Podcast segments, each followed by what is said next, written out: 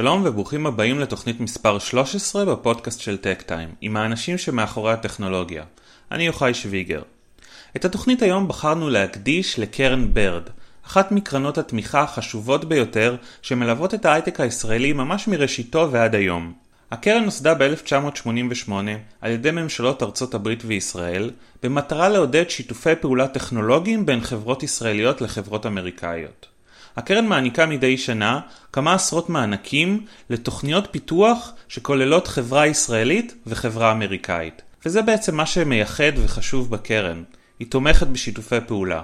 עבור החברות הישראליות, הפרויקטים האלה הם פעמים רבות כרטיס הכניסה לשוק האמריקאי, ואילו עבור החברות האמריקאיות אפשרות ליהנות מהחדשנות הישראלית. במהלך 40 שנות קיומה, הקרן תמכה כבר בלמעלה מאלף פרויקטים בסכום כולל של למעלה מ-360 מיליון דולר.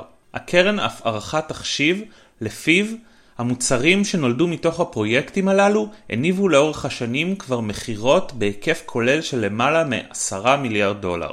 אז בתוכנית היום דיברתי עם מנהל הקרן, דוקטור איתן יודלביץ', ולאחר מכן עם נתן זוטה מחברת איו-סייט ועם רועי פשין מחברת סימלט, שתי חברות ישראליות שזכו למענק תמיכה מהקרן לפרויקט משותף עם חברה אמריקאית. בשיחה הראשונה, כאמור, דיברתי עם מנהל הקרן, דוקטור איתן יודלביץ', על פועלה של הקרן לאורך השנים, על כמה מהפיתוחים הבולטים שפותחו בתמיכת הקרן, וגם קיבלתי ממנו כמה טיפים על ניהול שותפות מעבר לאוקיינוס האטלנטי. שלום איתן ותודה רבה שהסכמת להשתתף בפודקאסט שלנו. אה, אנחנו כאמור מקדישים היום את התוכנית לקרן ברד, שמקדמת ככה פעילות מאוד מעניינת בהייטק הישראלי. אתה יכול קצת לספר לנו על ההיסטוריה של הקרן, על הפעילות שלה, ככה שנבין את הרציונל מאחוריה? קרן ברד הוקמה אה, בעצם די, לפני די הרבה זמן, 1977, עם הרבה חזון, והמטרה ש, של הקרן הייתה אה, לתמוך בשיתוף פעולה בין חברות ישראליות לחברות אמריקאיות, לתועלת הדדית. כאשר מנקודת ראות אה, ישראלית, אם אנחנו מסתכלים על שנות ה-80, אז זה היה קריטי עבור חברות אה, צעירות שרוצות להיכנס לשוק האמריקאי, וקרן בד הייתה מאוד מאוד חשובה בהתפתחות ההייטק הישראלי. אה, הקרן בעיקרון תומכת בשיתוף פעולה בין חברה ישראלית לחברה אמריקאית, אנחנו יכולים לתת מימון למחקר ופיתוח, אין מגבלה לסקטור והסקטורים מתפתחים עם הזמן. היום אה, אפשר לראות אה, פרויקטים בכל התחומים הרלוונטיים, אה, מדעי החיים, תקשורת, אגרוטק, אלקטרוניקה, בינה מלאכותית היום, הגנת המולדת וסייבר, אנרגיה ומים וסביבה. ואתם תומכים כן. במספר ספציפי של פרויקטים בשנה? זה מחולק למחזורים? איך, איך, איך זה עובד כן. בדיוק? כן, זה מחולק למחזורים, יש לנו שני מחזורים לשנה בתוכנית העיקרית, אנחנו נקרא לה תוכנית ברד, ויש לנו שני מחזורים בתוכניות אחרות, אחד ברד אנרגי והשני ברד HLS. עכשיו, מבחינת כמות פרויקטים, אה, הקרן מאשרת כ-25 פרויקטים לשנה סך הכל, הסיכוי להצלחה או הסיכוי לזכייה הוא יחסית אה, סביר, אפילו גבוה. מי עומד מאחורי הקרן, מאיפה מגיע הכסף? אנחנו קרן ששייכת לשתי המדינות, לארצות הברית ולישראל, והכסף, המימון בא משתי המדינות אה, באופן שווה, מתחילת הדרך. גם מועצת המנהלים שלנו הוא חצי חצי, חצי אמריקאים וחצי ישראלים. הזכרת שאתם כבר פעילים משנות ה-80, כלומר אם אני עושה את החישוב בראש זה כבר 40 שנה, ו... הקרן הצליחה אה, להמשיך בפעילותה למשך, במשך כל כך הרבה זמן, למרות חילופי מש, ממשל ושינויים כלכליים וכולי. נכון, אה, שתי המדינות ראו בקרן, שתי המדינות אגב, חשוב להדגיש, ראו בקרן, בקרן תועלת. אני חושב שהצד הישראלי, לצד הישראלי זה די ברור מאליו שקרן כזאת יכולה לסייע לתעשייה הצעירה להיכנס לשוק האמריקאי. השאלה הגדולה, למה האמריקאים תרמו וממשיכים לתרום? והסיבה היא שהם אה, דרך הקרן נהנים מהחדשנות הישראלית ורואים את היתרון התחרותי שזה מביא לתעשייה שלהם. עכשיו, הקרן אה, נחשבת בארצות הברית לקרן מאוד ייחודית, זו הצלחה מאוד גדולה בשיתוף פעולה בין שתי מדינות. זה לא טריוויאלי להקים כזה דבר, וכמו שש, שאמרת בצדק, שהתוך, שהתוך, שהקרן uh, תמשיך לפעול ותהיה חיונית uh, במשך כל כך הרבה שנים. אנחנו כמובן לא סטטים, הקרן מתפתחת, יש לה, אמנם המודל הוא די סטטי, או אותו, אותו מודל, שזה טוב, כי המודל מוכח, מצד שני, יש הרבה שינויים, כי אנחנו מתאימים את עצמנו לסביבה, להתפתחויות. אתם תמכתם כאמור בעשרות אם לא מאות פרויקטים, אתה יכול כן. קצת אה, לתת לנו דוגמאות לאולי לפרויקטים שהולידו מוצר מוצלח שאולי אנחנו מכירים, לפחות קוראי כן. טקטם וכולי? אני אספר על מוצר שהוא אה, מעניין היום מאוד, כי הוא עוסק בגז טבעי, והטכנולוגיה היא טכנולוגיה אה, של מצלמה אינפרה אדומה, אה, שפותחה על ידי חברת אובגל, חברה שבעצם אה, הטכנולוגיה באה מתחום הביטחון, טכנולוגיה של ראייה, ראיית לילה, פרויקט היה עם חברת קולסמן, אבל מה שיפה, שהפרויקט, שהרעיון הזה נולד ב-2006, 2007, עוד לפני שישראל הייתה ממוקדת כולה בנושא של גז. אוקיי? זה היה מוצר, רעיון מאוד חלוצי של אה, לגלות דליפות גז בעזרת מצלמה טרמית. מוצר מאוד מוצלח, נמכר, נמכר, יש גם דור שני עכשיו. בתחום הרפואי יש מוצר, יש אה, מוצר או יש אה, טכנולוגיה שפותחה על ידי חברת אינסייטק, חברה די ידועה, עם חברה אמריקאית, עם גוף אמריקאי בשם Focused Ultrasound Foundation. זה לטיפול ברעד ביד על ידי אה, ניתוח אה, לא פולשני, תוך שימוש במה שנקרא אולטרסאונד ממוקד, אה, מוכוון MRI, וקיבלו אישור FDA, ויש סרטים ממש מרגשים על מה שקורה לאנשים שבאים לניתוח כזה עם רעד ביד שלא יכולים להחזיק כוס, נכון. ואחרי זה יוצאים למעשה מבחינה זו בריאים. אה, מוצר בתחום לגמרי אחר שאנחנו מאוד אוהבים זה גם חברה די ידועה קוראים לה אקונקריט שעשתה שביצעה פרויקט עם חברת אה, בסר חברה אמריקאית שעוסקת בציוד לתעשיית הבטון. Mm-hmm. הם בעצם אה, מפתחים פיתחו טכנולוגיה של בטון אורגני בטון שאפשר להשתמש בו תחת המה באפליקציות תת מימיות למשל בשוברי גלים. אה, כדי למשוך אה, אה, גופים חיים ולמנוע פגיעה בסביבה, ההפך, לפתח את הסביבה הימית, התת ימית, כלומר שהבנייה תהיה ידידותית לסביבה. הם קיבלו תמיכה של ברד ויש להם, יש להם התקנות בכל מיני מדינות, כולל בארצות הברית, בברוקלין. איך, איך נולדים שיתופי הפעולה האלה? אתם עושים את ה matching או שכבר החברות באות אליכם עם איזושהי תוכנית פעולה משותפת? זה מאוד מגוון. אנחנו חיים את הנושא של ה matchmaking. Mm-hmm.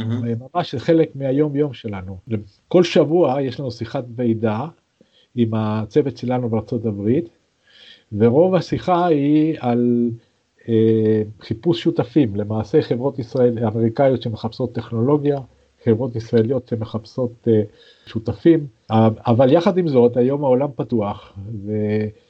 ההייטק הישראלי מאוד התפתח, אתה יודע, במועצות מנהלים של חברות צעירות יש אנשים מנוסים, אה, כך שלא מעט פרויקטים אה, החברות אה, מוצאות אחת את השנייה, אבל צריך להגיד, גם כשמוצאות אחת את השנייה, התהליך של ברד הוא תהליך מאוד מכנס, מכנס את השותפות. זה אנחנו שומעים הרבה מאוד. גם אם לא מגיעים למענק, יגידו שהתהליך של ברד אה, היה בשבילם למעשה שימון של היחסים בין שתי החברות. זה תהליך מאוד אה, סדור, מאוד ברור, עם הרבה אינטראקציה עם הצוות שלנו, כך שבסופו של עניין אה, זה נחמד לשמוע את הפידבק הזה של החברות, כמה שהתהליך היה חשוב. ואם אתה חושב על חברות גדולות, אמריקאיות, נניח חברות של מיליארדים, שבאים לברד על סכום שנראה פעוט, בהרבה מקרים אה, עבורם, כן? בהרבה מקרים הם יגידו שהסיבה שהם פונים לברד דווקא הזאת, כלומר היכולת להיעזר בתהליך ולוודא שיש גם מעין אה, due diligence אפשר להגיד, אבלואציה של פרויקט כאמור יש לכם את הקרן המרכזית אבל uh, בשנים האחרונות ייסדתם עוד שתי קרנות uh, קרן בתחום האנרגיה וקרן בתחום ביטחון המולדת מה שנקרא HLS. תוכל קצת לספר למה דווקא ההתמקדות בסקטורים האלה? גם בזה יש הרבה חזון וזה נולד כתוצאה מהבנה של אנשים uh, הרבה אנשים. בלי הרבה צניעות גם אנחנו, שראינו את החשיבות של האנרגיות המתחדשות, ויזמנו יחד עם, ה, עם, עם משרד האנרגיה הישראלי, ה-DOE, כן, משרד האנרגיה האמריקאי, והיום גם רשות החדשנות, את, את אותה קרן שנקראת uh, BIRD Energy. התחילה לפעול ב-2009, ואישרה מעל 50 פרויקטים, שם, גם שם יש הצלחות יפות. מאוד מוערכת על ידי האמריקאים, גם הקונגרס האמריקאי מאוד תומך. היא שאלת למה דווקא אנרגיה, כי אתה יודע, הקרן מחפשת דווקא אותן נישות, אותן, אותן אזורים שבהם יש חוסר.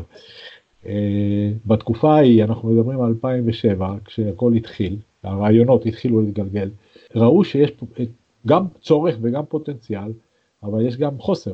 עכשיו, uh, בברד HLS, זה נולד כתוצאה של אה, שיתוף פעולה מוצלח מאוד שקיים בין, ה, בין משרד הגנת המולדת, DHS האמריקאי, לבין המשרד לביטחון פנים. אה, נחתם הסכם מו"פ בין DHS למשרד לביטחון פנים ב-2008, ובהמשך אה, לקח די הרבה שנים, אבל בסופו של עניין הם למדו, שני הצדדים, גם הישראלים וגם האמריקאים, למדו על הפוטנציאל של להשתמש במודל של קרן ברד, והתוכנית התחילה כתוכנית ממוקדת ב-first responders, כלומר כוחות הצלה, מגיבים ראשונים, אה, והיום כבר אה, עוסקת בכל תחומי ה-HLS. מניסיונך כמלווה של שיתופי הפעולה האלה, מה בעיניך, שוב אנחנו מדברים, כמו שכבר התחלת להזכיר, פרויקטים שהם לפעמים בין חברה קטנה לחברה גדולה, לפעמים בין חברה צעירה לחברה מבוגרת, אה, חברה ותיקה, וכמובן שה... מרחק מעבר לאוקיינוס האטלנטי, אז מה, מה בעיניך הם המפתחות ל...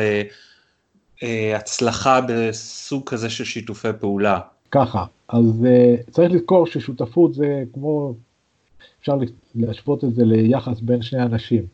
צריך לטפח uh, את השותפות הזאת מההתחלה, ואחד הדברים החשובים ביותר זה שהמטרות יהיו ברורות, משותפות, לא משותפות דווקא, אבל לפחות מטרות, שהמטרות של כל אחד יהיו ברורות לכל אחד, שיהיה זום בין המטרות.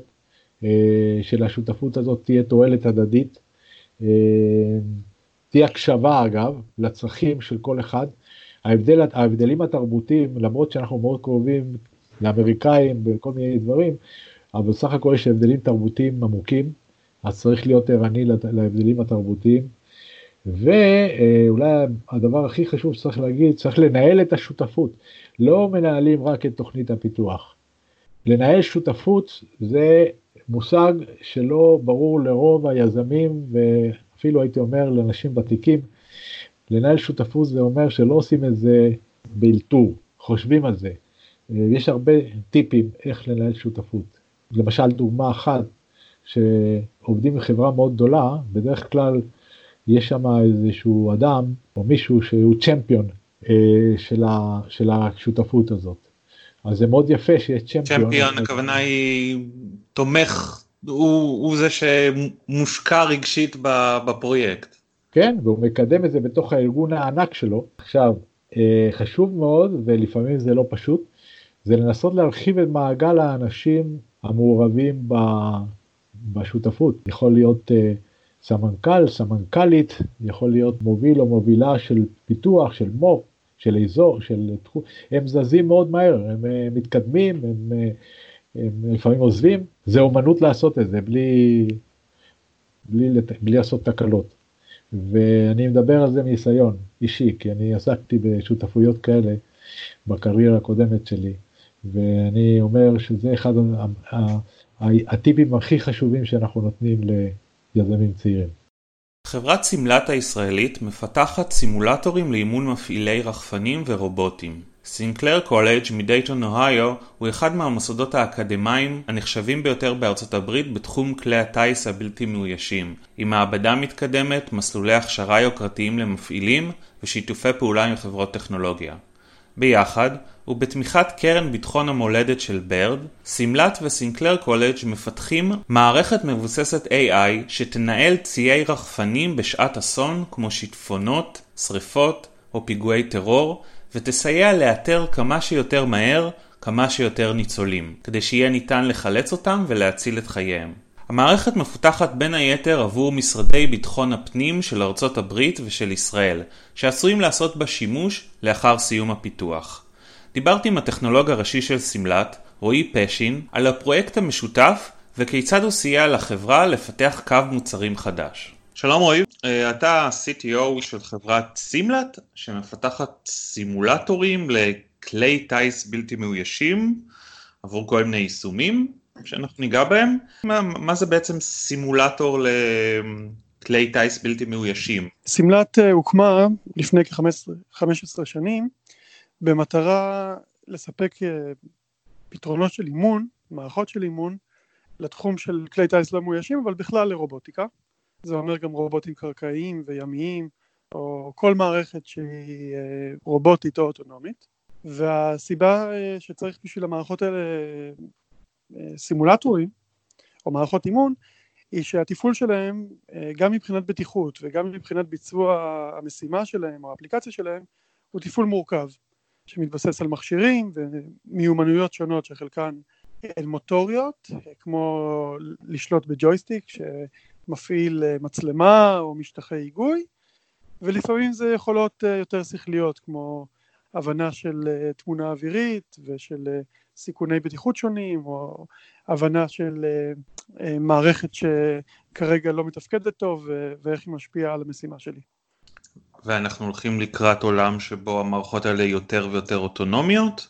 אני מבין למשל שברחפנים עדיין אין אישורים להטיס רחפנים מה שנקרא מעבר לקו הראייה וכולי, זה, זה נכון מאוד, יש באמת, כדאי לשים לב להפרדה בין הרגולציה החוקים, שהם עדיין יותר נוקשים, ואם תרצה אני אוכל להיכנס לזה, לבין הטכנולוגיה. אז באמת כמו, ש, כמו ששאלת, הטכנולוגיה של האוטונומיה הולכת ומתגברת בתחום שלנו כל הזמן. יש היום הרבה מאוד פעולות שמתבצעות כבר בצורה אוטונומית או לפחות אוטומטית.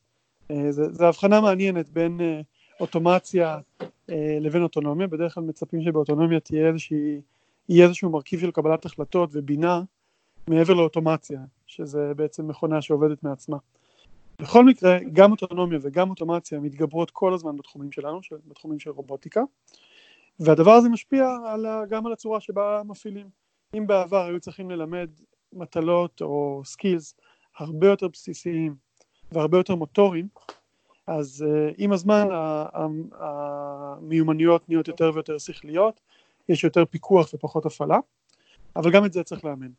נוסף לזה, uh, בעצם uh, נולד לנו סוג חדש של משתמש בשנים האחרונות. אם בעבר המשתמשים שלנו היו אנשים, או מפעילים, שלומדים להפעיל את המערכות שלהם, היום אנחנו מאמנים או uh, נמצאים באינטראקציה מסוימת גם עם אלגוריתמים. בעצם אנחנו גם עוזרים לאמן את המכונות.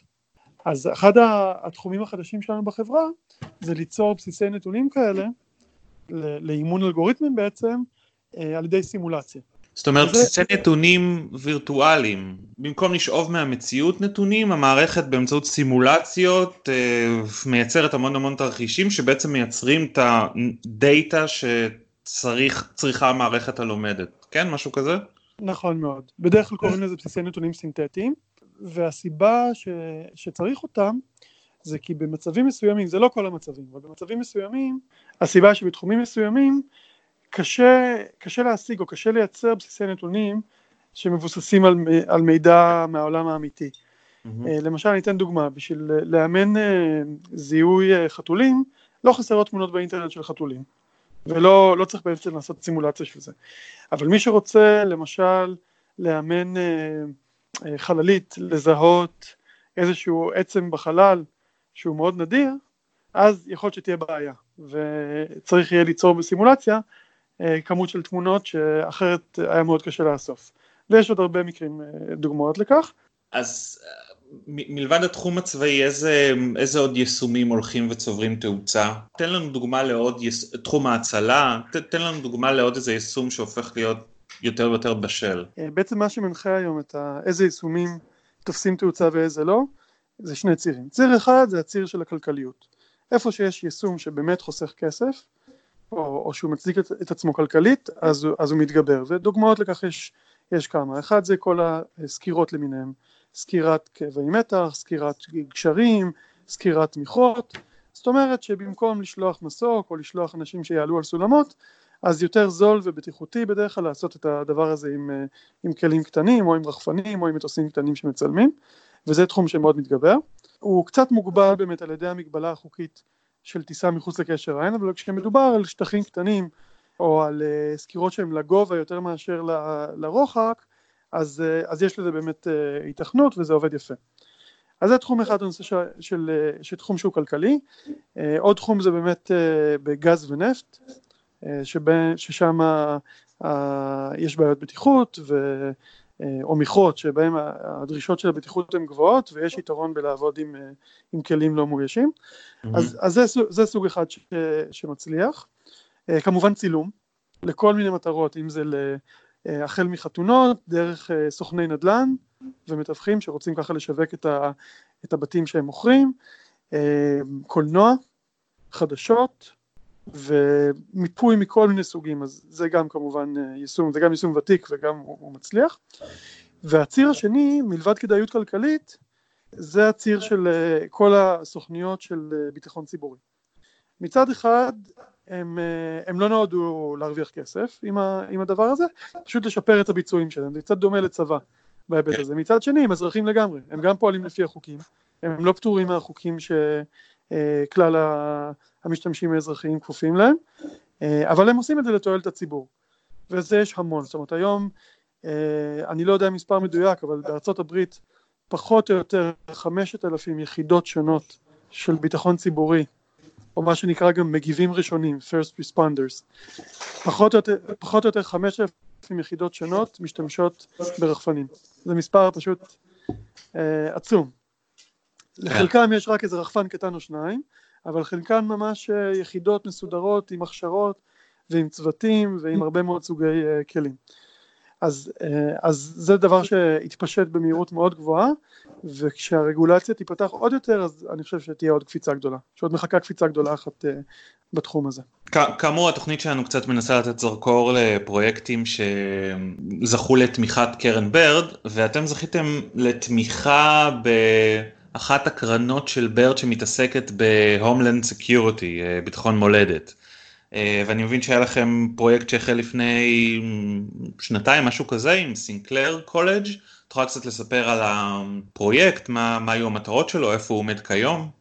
הפרויקט הזה בעצם הוא נולד מתוך uh, צורך עצום שיש בנושא של חיפוש והצלה, ובמיוחד במצבים שבהם או שיש אירוע רב נפגעים, וקשה מאוד להגיע לכולם, או שהאיתור וההצלה של, ה, של מי שצריך להציל הוא מאוד קשה. הצרכים אה, במקרה הזה הם נוסחו בצורה די ברורה על ידי הגופים האלה עצמם, על ידי המשרד לביטחון פנים הישראלי והמקביל האמריקאי שלו, Department of Homeland Security והם הזמינו את, ה, את הציבור וגם אה, את קרן ברד שעשתה בשביל זה פרויקט מיוחד הם, הם הזמינו אותם אה, להביא פרויקטים או פתרונות שיטפלו בפערים האלה אז הפער. אוקיי. שאנחנו בחרנו להתמקד בו זה הפער של איתור, איתור מהיר של אה, ניצולים בכל מיני מצבים כאלה, והשיטה שהצענו היא שיטה של שימוש ברובוטיקה אה, ובאוטונומיה. הרעיון ש, שמנחה את זה הוא שבמיוחד ככל שהאירוע יותר גדול,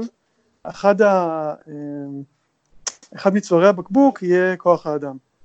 כלומר שאם בשגרה מספיקים 20 או 30 או 40 מפעילים אה, לכסות אה, שטח של עיר מסוימת, נגיד עיר אמריקאית גדולה, אז במצב של אסון גדול, פתאום ה-40 אה, אנשים האלה לא יספיקו, וכמה שהם לא יהיו יעילים וטובים וחרוצים, הם לא יספיקו.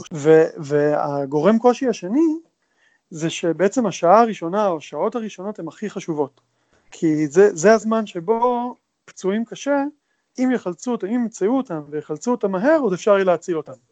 אחרי השעה, שעתיים הראשונות, יש ירידה מצטערת בהישרדות של, ה, של הניצולים האלה, ובעצם אפשר לחלץ, לצערנו, רק או גופות, או אנשים שנפצעו קל או בינוני.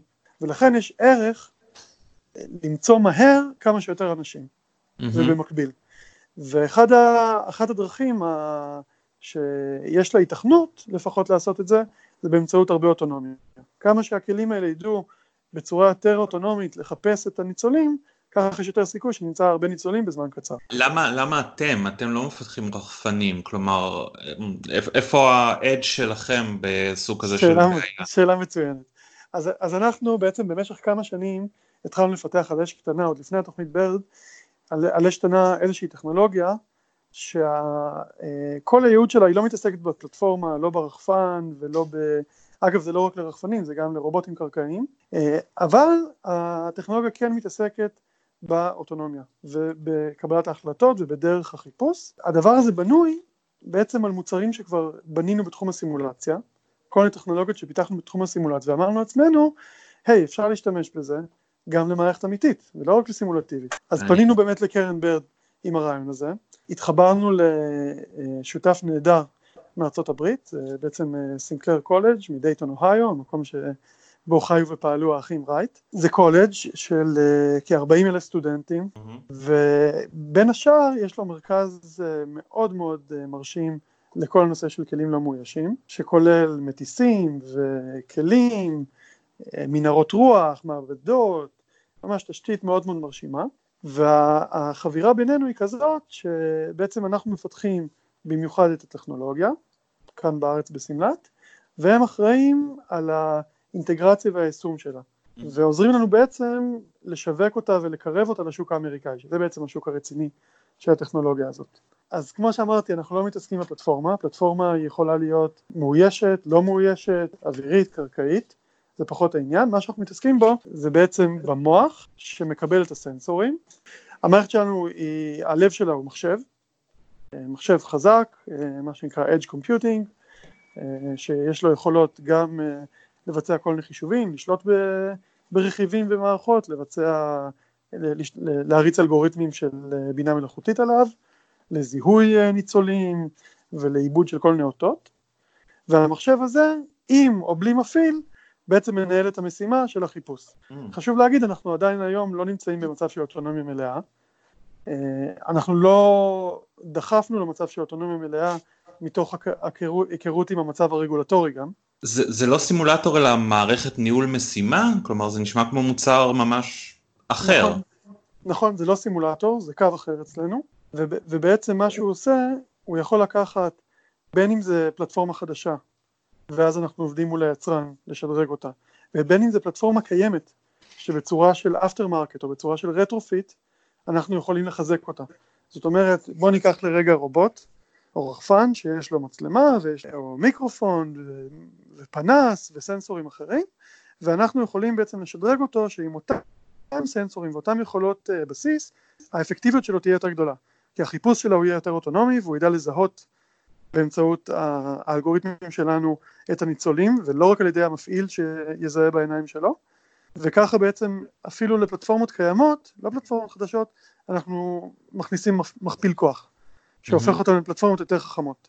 המטרה היא שעד סוף הפרויקט שהוא אמור להיות אה, אה, יותר מאוחר השנה, ספטמבר 2020, אה, אנחנו נפרוס אותו אצל כמה לקוחות מעוניינים ראשונים.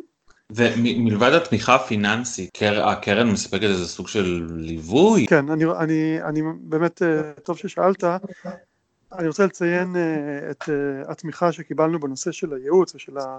והליווי מאיתן יודילביץ', הוא, הוא גם מנהל הקרן, אבל הוא גם המומחה או היועץ שאנחנו קיבלנו כמלווה של הפרויקט שלנו, ובאמת ה, היכולת לייעץ בכל מיני צמתים, לחבר לגורמים שיכולים לעזור לנו אה, ולהפנות אה, לכל מיני נקודות אה, שחשוב שנשים אליהם לב, זה היה ייעוץ מאוד, זה מאוד עזר לנו, ומעבר לזה יש הרבה נושא של ניהול פיננסי וניהול של הקשרים עם, ה, עם הגופים השותפים, שזה משרד הביטחון הפנים הישראלי וה-HLS האמריקאי, שגם אנחנו מרוויחים מזה הרבה, כי בעצם כבר היום הספונסרים שלנו למעשה הם גם לקוחות פוטנציאליים.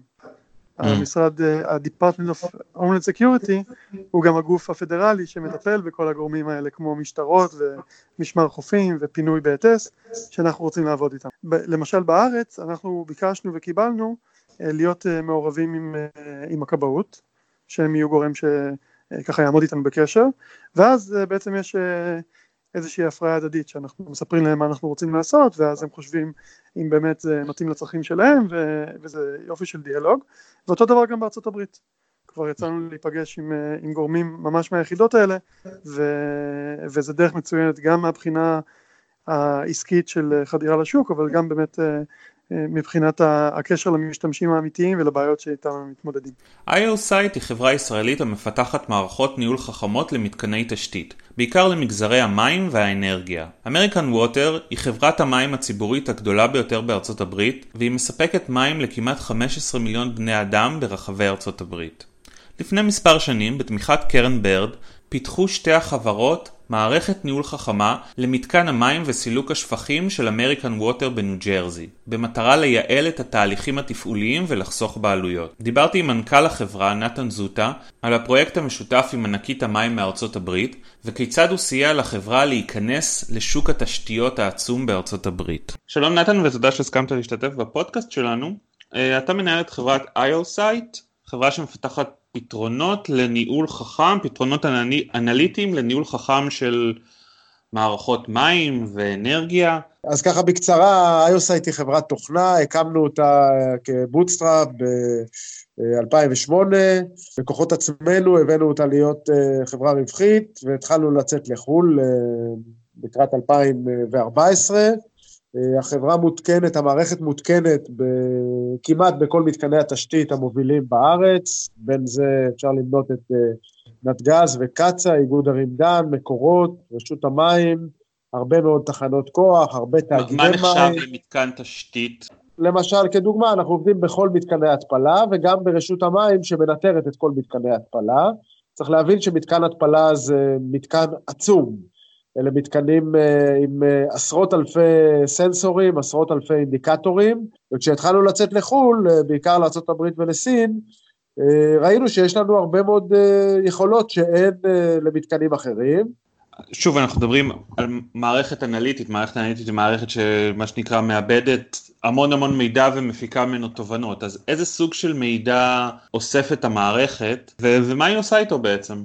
יפה, אז אנחנו אה, אוספים מידע בעיקר ממערכות האוטומציה והבקרה, בעצם משכבת המכונות, אבל גם ממקורות אה, אחרים חיצוניים שמודדים איכויות מים או כמויות מים, מונים, לפעמים אפילו מונים ביתיים, תחנות מטאורולוגיות, אה, אנחנו ממדלים את המידע, מכניסים אותו ל database, ואז מציגים בצורה של דוחות ודשבורדים ומערכת אירועים ומערכת אה, תומכת החלטות ואנליטיקות שמזהות אנומליות. אה, הייתי מחלק את זה בעיקר לשלושה חלקים, יש מידע שמדווח לרגולטורים, יש מידע תומך לוגיסטיקה ו billing, ויש מידע תומך תפעול ותחזוקה, כשאנחנו בעצם תומכים החלטות תפעוליות כמו איך להפעיל אנרגיה, את צרכני האנרגיה העיקריים, איך להפעיל את ה... איך למנן כימיקלים, איך אה, לנהל את המים ואת אה, התחזוקה למכונות אה, בצורה אופטימלית, ואפשר ככה לחסוך עד עשרה אחוז בתפעול. בעשור הזה, עשור וקצת שאתם פעילים, איך, איך השתנו המערכות הללו מבחינת טכנולוגיות חדשות שנכנסות ו- וכולי? אוקיי, זו שאלה מצוינת, כי אנחנו נמצאים ב- ממש ב- בתוכה של מהפכה. כשהתחלנו את, ה, אה, את העבודה שלנו, אז בעצם רוב הלקוחות שלנו היו במצב של הישרדות. זאת אומרת, הם עוד היו בשלב שהם לא ידעו בכלל אם המכונות אה, עובדות ואם הן משדרות מידע אמין. מערכות השליטה והבקרה עוד היו מערכות אה, מאוד מורכבות, אה, אבל לאט לאט זה הופך, המערכות האלה הופכות להיות קומודיטי, אה, זאת אומרת, התקנה של מכונה עם הסנסורים, עם מערכות השידור ומערכת השליטה והבקרה, זה כבר עסק נורא פשוט. איפה אתם בעיקר פעילים בעולם, נגיד מלבד ישראל? איזה עוד שווקים מאוד פתוחים למגמות האלו? כן, אז אנחנו בצורה מודעת החלטנו שאנחנו מתמקדים בשני שווקים, שזה ארה"ב וסין. הסיבה העיקרית היא סיבה עסקית, שיש שם utilities גדולים מאוד שאפשר להתרחב בתוך ה-utilities, וביניהם יש המון ניואנסים, זה נורא מעניין. סין למשל היא אומה שעובדת מאוד מהר, היא ממציאה את עצמה כל חמש שנים מחדש, ולכן החסמים מבחינת אה, בירוקרטיה ומבחינת אה, איזה מערכות שליטה ובקרה ואיזה מכונות, הם חסמים אה, מאוד מאוד מינימליים וקל מאוד להיכנס לשם. מצד שני, יש להם תרבות קצת של רובוטים. זאת אומרת, קשה מאוד להביא אותם לשנות את ה mindset שלהם לייזום ולעבוד לפי תהליך ולעבוד לפי מערכות חכמות שמאפשרות להם לחסוך כסף ולא רק uh, לשמור את המצב, לעשות מיינטננס למצב קיים. Uh, ועם האמריקאים יותר קל לדבר על הדברים האלה, מצד שני, האמריקאים אלה מערכות הרבה הרבה יותר ישנות. והתהליכים הבירוקרטיים ותהליכי הרכש שם הם תהליכים הרבה הרבה יותר מסובכים. אז אם כבר אנחנו מדברים על ארה"ב, אז כאמור התוכנית הזאת כזה מנסה קצת לתת זרקור לפרויקטים שיוזמו, שנולדו תחת קרן ברד, אה, ולא מכבר הקרן דיווחה על שיתוף פעולה מעניין ביניכם לבין עיריית ניו ג'רזי. אתה יכול לספר לנו קצת על הפרויקט הזה, איך הוא נולד, מה היעדים שלו? מה אולי מה הייחוד שלו בהשוואה לפרויקטים אחרים שאתם עושים, או שזה פרויקט ככל הפרויקטים? כן, אז קודם כל כמה מילים לפני זה על uh, הכלי שנקרא BERD. Uh, בשביל עולם היוטיליטי נושא המענקים הוא, uh, הוא לא סתם קטר שדוחף את התחום, אלא זה חלק אינהרנטי. זאת אומרת, צריך להבין, זה לא שחברת מים או חברת אנרגיה לא מוכרת קורנפלקס ויכולה ל... להיות יותר יעילה או פחות יעילה ולהרוויח יותר על הייצור. פה מדובר במוצרים שהם מוטי רגולציה, והתעריפים שלהם נקבעים על ידי המדינות בדרך כלל. ומה שבירד עושה היא בעצם נכנסת בתוך המסדרון הזה ומספקת incentive ל utilities או במקרה שלנו ל utilities, להכניס טכנולוגיות, להטמיע טכנולוגיות. דרך זה היא נותנת לנו הזדמנות אדירה להיכנס ולעבוד עם utilities uh, בארצות הברית. בעצם בפרויקט של בירד שיתפנו פעולה עם גוף שנקרא American Water, זו חברת המים הפרטית הגדולה ביותר בארצות הברית. Uh, יש לה סאבסידריז במעל 20 מדינות בארצות הברית, אחת מהן זה בניו ג'רסי. והיא בעצם uh, קונה את הזכות למכור, לייצר ולמכור מים לטאונשיפס בתוך הברית, במקרה הזה בניו Uh, ובעצם חתמנו איתם על הסכם שבו אנחנו מספקים מוצרים חכמים, מוצרי אופטימיזציה למתקני טיפול במים. הזה, ההסכם הזה מומן uh, ברובו על ידי ברד, חלקו על ידי אמריקן ווטר וכמובן חלקו על ידינו. אה, זה מוצר שבכל מקרה חשבנו לפתח, ופה היה הזדמנות אה, מצוינת לקבל מימון חלקי מברד. אה, זה נתן לנו לא רק את הצד הטכנולוגי, אלא נתן לנו מערכת יחסים עם חברה גדולה מאוד בארצות הברית, שהמשכנו אחר כך, הפרויקט התנהל כמובן בהצלחה, המשכנו אחר כך לפתח איתם עוד, לספק להם עוד מוצרים במתקנים נוספים, ובנוסף לזה זה נתן לנו רפרנס אדיר, זאת אומרת, לעבוד עם American Water זה כמו לעבוד עם חברת החשמל בארץ או עם מקורות בארץ, רק שהיא, American Water היא פי כמה גדולה ממקורות ומחברת החשמל, אז זה הרפרנס הכי טוב שיכולנו לחשוב עליו, והשתמשנו בזה ל-PR ולהמשיך התקנות, עכשיו אנחנו מותקנים בעוד כל מיני utilities ובמתקני התפלה בארצות הברית, וזה הרבה, הרבה בעזרת הפרויקט הזה. אז לא הבנתי, אתם, אתם, מפתחים, אתם מפתחים מערכת חדשה או פשוט תופרים את המערכת הקיימת שלכם לצרכים של, של עיריית, של התשתיות בניו ג'רזי? לא, פיתחנו מוצר חדש ב-2014 כשזכינו בפרויקט, זה היה פרויקט של okay. אוקיי. שנתיים שהסתיים ב-2000, בסוף 2014. Okay. Okay.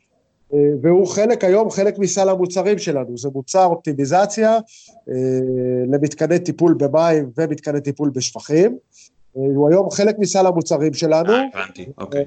והוא חלק גם, השגנו פה הרבה מאוד יכולות של אלגוריתמיקה, שבעצם מימון ברד עזר לנו מאוד אה, לעשות את זה. צריך להבין גם שכשאנחנו, חברה כמונו יוצאת לחו"ל, זה לא קל ללמוד את השפה, את השפה המכירתית, זה שונה למכור מוצרים בארצות הברית הגדולה מאשר למכור בארץ, שזה המגרש הביתי שלנו. אה, אז למדנו את כל זה, ולמדנו הרבה מאוד בעזרת הפרויקט הזה של ברד. ומאז יש לנו לא מעט התקנות בארצות הברית, אנחנו מחזיקים שם איש מכירות, מחזיקים צוות התקנות, וזה דבר, כלי מצוין. אנחנו מנסים להמשיך לעבוד עם ברד בפרויקטים נוספים, זה כלי פשוט נהדר. עומדים גם מולנו אנשים שהם מקצוע, מקצוענים ויחסית מבינים את, ה, את ה-DNA של ארגון כמו שלנו, וגם את ה-DNA של utility בארצות הברית, ויודעים מה לבקש ומה אי אפשר לבקש מהם שעושים פרויקט R&D. תודה רבה על ההאזנה, אני מקווה שנהניתם. אתם מוזמנים להמשיך ולעקוב אחר הכתבות באתר שלנו, techtime.co.il, להירשם לניוזלטר ולהקשיב לפרק הבא בפודקאסט.